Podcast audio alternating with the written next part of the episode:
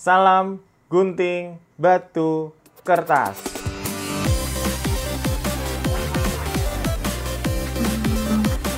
Selanjutnya uh, saya mau nanya kak, uh, kak apakah kakak pernah melakukan kayak kolaborasi gitu nggak kayak dalam membuat board game misalnya kayak mungkin kolaborasi sama organisasi atau asosiasi apa gitu? Ya, ke sejauh ini sih masih di lingkungan tempat kampus saya ya di Universitas Surabaya atau Ubaya itu ya. Jadi kayak tadi sama perpus pihak perpustakaannya, terus yang financial planner itu uh, belum official sih, tapi udah ngobrol sama teman-teman pengurus kayak asosiasi dosen uh, Ikatan Sarjana Ekonomi Indonesia (ISEI) itu ya, yang nanti akan di di endorse sama Bank Indonesia itu kan. Karena Bank Indonesia punya uh, semacam ini ya campaign untuk mengenalkan instrumen-instrumen keuangan itu ya untuk orang awam. Tapi belum official ya, tapi uh, kita udah ada penjajakan sana dan itu udah sekarang sudah sub disupport oleh Universitas Surabaya juga itu ya uh, untuk bisa. Jadi ada beberapa kerjasama yang sedang penjajakan juga itu kayak certified financial planner itu kan. Jadi sertifikasi untuk uh, perencana keuangan. Nah, kayak gitu sih. Terus Ya sementara masih terbatas itu sih ya. Kalau teman-teman desainer yang lain ya, kayak ada tuh si Rian, tahu alumni UMN juga itu ya, yang bikin Wilah. Nah dia kan juga hmm. kerja sama sama saya nggak tahu dia, dia dengan ini ya pokoknya dia dapat banyak penghargaan ya terkait lingkungan hidup. Banyak kok yang bisa dikolaborasi kolaborasikan kayak Manik Maya dengan uh, eh, KPK Komisi Pemberantasan Korupsi ya karena saya ada di Surabaya ya saya cuma memaksimalkan uh, networkingnya masih terbatas di situ. Nah kalian yang ada di sekitar Jabodetabek kan bisa lebih ini kan bisa dimaksimalkan networking kalian kalau misalkan mau dikerjasamakan nggak apa-apa jadi di tahap awal jangan ke terburu-buru bikin board gamenya meskipun ini tugas akhir tetapi kalian sudah sudah pikirkan oh ini ka karena kan kalian bikin tugas akhir itu uh, invest waktu, your time and your money itu ya. Kalau uang bisa ya bisa dicari lagi ya, tapi waktu nggak bisa di ini kan. Nah makanya saranku kalau kalian bikin tugas akhir uh, udah difokuskan. Ini sebenarnya meskipun kalian belum sampai penjajakan ya, board game ini udah bisa ini potensinya bekerja sama dengan misalkan uh, institusi apa dicari dulu, cari tahu kepoin dulu. Ini organisasi bisa nggak ya? Ini lingkungan hidup, oh, misalkan Greenpeace. Wah ini kayaknya bisa nih. Uh, dia butuh lagi butuh apa sih? Nah, di awal sebelum kalian bikin, kayak warung bors itu itu gila itu kan. Maksudnya uh, kita di awal belum bikin game, kita udah udah mikirin ini gamenya nanti bisa di endorse ini ya, misalkan sama kecap bangau itu ya, atau uh, restoran apa gitu kan udah udah dipikirin tuh belum bikin gamenya loh ya tapi kita udah mikirin sampai ke sana. Itu di awal di pra produksi ya di pra produksi kita udah mikirin sampai situ. Jadi saran saya di tugas akhir ini kalian sudah harus punya ini targetnya ke siapa? Meskipun nanti mungkin nggak nggak nggak tercapai ya tapi kalian uh, pemicunya udah jelas itu ya ini akan bisa masuk ke mana itu ya. Bahkan bisa menjadi portfolio kalian yang misalkan nggak komersial untuk masuk bekerja di secara profesional itu ya bahwa ini ini ada ini nih yang bisa untuk fase komersial. Gitu. Felicia. Ya makasih kak. Hmm. oke mas uh, aku mau nanya uh, kenapa hmm. memilih board game sebagai sebuah media desain mas? Oke kenapa sekarang ya saya memang akhirnya lebih fokus ke board game ya.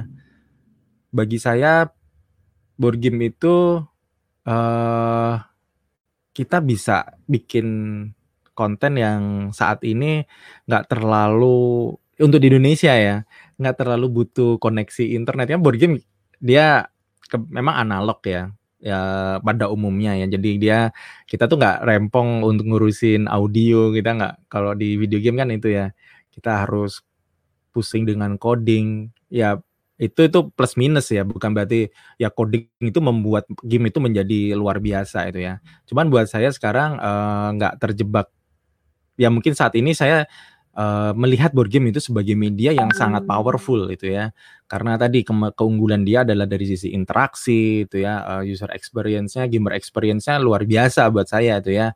Dan uh, dari sisi potensi bisnis itu ya, dia ada di market yang premium itu ya. Jadi gini, karena digital itu kan membuat dia low cost gitu ya. Dia sebenarnya costnya tinggi karena dia unlimited production karena digital dia menjadi bisa murah itu ya, bisa bisa freemium itu ya. Nah, ini membuat board game itu uh, dia menjadi premium karena dia uh, secara fisik gitu ya. Harganya itu kan jadi naik gitu ya karena persepsi orang oh kalau digital tuh murah ya. Ini nih ngomongin uh, ekonomi ya sedikit ya. Jadi ada psikologi harga lah itu ya. Kita ngomong di situ. Jadi saya melihat uh, board game dari sisi manfaat sama secara bisnis itu uh, seperti itu itu ya. Jadi market di uh, produknya ini masuk market premium. Ya memang tadi tadi ada pertanyaan juga nih dari Abdurrahman Sabili ini ya saya munculin ya. Kenapa board game harganya mahal? Apa itu penyebabnya kurangnya pertumbuhan komunitas board game? Ya ini ini sekalian ya menjawab pertanyaan Ivan tadi ya. Jadi uh, ya itu tadi gitu ya. Uh, memang iya di luar negeri pun ya board game itu uh, loh kok gitu, berarti kan eksklusif. Nggak juga sebenarnya ada banyak board game yang sifatnya print and play gitu ya. Jadi uh, kita tinggal masuk ke websitenya. Saya di awal-awal tuh kayak gitu itu kan. Wah ini board game tiga ratus ribu buat saya mahal gitu ya. Tapi sekarang belanja board gamenya udah di atas satu juta itu ya satu board game itu ya. Uh, Oke okay, balik lagi tapi uh, yang ya itulah tuh ya karena komponennya ya kan kalian kayak dapat uh, minis ya, miniatur tuh ya, ada figurnya itu kan. Wah, gila lah itu. Dan limited karena dia dicetak nggak bisa cetak. Kalau digital kan tadi unlimited production tuh ya, mau di-download satu juta orang bisa itu ya. Tapi kalau board game nggak bisa itu ya. Ketika dia sudah cetak seribu, ya hanya seribu orang di dunia ini yang bakal punya. Nah, tapi untuk mengatasi tadi eh, mahal ya karena harga mahal, ada print and play itu ya. Jadi kita bisa tinggal download filenya, kita print sendiri, kita gunting sendiri itu bisa seperti itu sih. Jadi menurut saya sih ini sambil menjawab pertanyaannya ini ya Abdurrahman uh, bahwa ya bisa jadi ya kurang pertumbuhan komunitas BG bisa jadi. Tapi uh, seberapa pun besarnya komunitasnya, penggunanya sekarang, harganya tetap segitu itu ya. Nggak akan turun itu. Itu Ivan. Uh, ya, silakan kalau ada pertanyaan lagi. Ini Kak, uh, kan tadi disebutin manfaat board game itu dari kreatornya kan Kak. Hmm. Nah sekarang kalau dari user sendiri manfaatnya itu apa aja Kak? Board game, manfaat board game buat okay, usernya. Oke, makasih.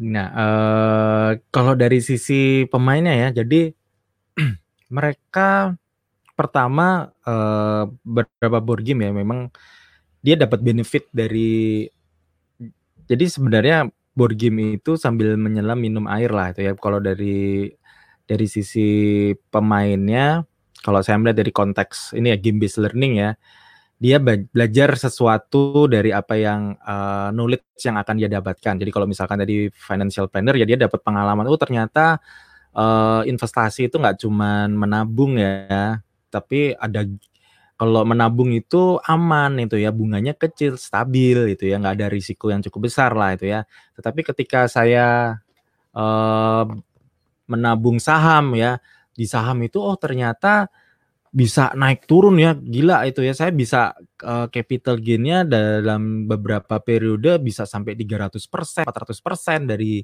investasi saya seperti itu tapi kalau ketika anjlok ya saya juga rasakan ya. Jadi uh, dari sisi user akhirnya dia dapat istilahnya tuh uh, exper eksperimen experiential learning ya. Jadi uh, pembelajaran berbasiskan pengalaman itu sebenarnya konsep itu udah dari tahun 50-an ya. Itu di Amerika itu bahkan berkembangnya di satu institusi perawat ya. Itu mengembangkan satu pembelajaran yang berbasis pengalaman atau experiential learning. Jadi dari sisi user dia dapat experience langsung gitu ya. Uh, melengkapi dari penjelasan uh, dosen atau gurunya itu ya. Jadi dosennya atau gurunya cerita itu ya uh, menjelaskan konsep teorinya dan dengan board game itu dia melakukan proses simulasi kan dan simulasi yang apa ya dia sangat macam praktek gitu ya. Bagaimana satu proses kalau tadi ceritanya di perawat kalau ini misalkan dari di keuangan kalau ini misalkan pengelolaan sekolah gitu ya dapat merasakan prakteknya seperti apa. Itu ya. jadi yang itu yang, yang saya rasakan sih. Dari sisi desainer sekaligus saya sebagai pemain ya dari sisi pemain dapatnya experience learning. Dan biasanya nanti di fase bermain itu tidak hanya bermain saja ya ada fase pemaknaannya. Jadi setelah bermain itu uh, peran uh, biasanya harus di, di, di apa ya ada closingnya lah itu ya. Jadi kita nggak cuma sekedar main terus selesai itu ya yang menang siapa? Yang kalah siapa? itu ya. Tapi juga tadi itu ya uh, oh kita tadi gimana ya? Kamu kok bisa menang ya? Di ini misalkan tadi uh, beberapa waktu lalu saya main Dice Hospital itu ya game luar ya tentang lola rumah sakit itu karena tadi prioritas saya mau menolong pasien yang uh, jenis penyakit apa itu ya. Ya kayak gitu deh. Jadi dapat experience ex, experiential gitu ya dapat experience experience gitu ya. Yang luar biasa. Itu jawaban. Iya karena kalau hmm. main board game sekali terus main board game dua kali experience-nya juga bisa beda-beda gitu kan yang dihasilkan. Ya. dari pertama kali. Bener banget. Hmm. Kasih kak. Nah, langsung selanjutnya kak, tadi kan kakak hmm. udah bilang soal board game sebagai media eduka bisa menjadi media edukasi. Terus kakak hmm. tadi juga udah nyebutin board game yang kakak bikin dengan hmm. tujuan edukasi ya. Hmm. Yang itu sebenarnya board game kakak apa aja yang telah kakak bikin dengan tujuan edukasi. Yang pertama memang menjadi sebuah media edukasi. Hmm. Oke, okay. kalau yang memang dirancang untuk edukasi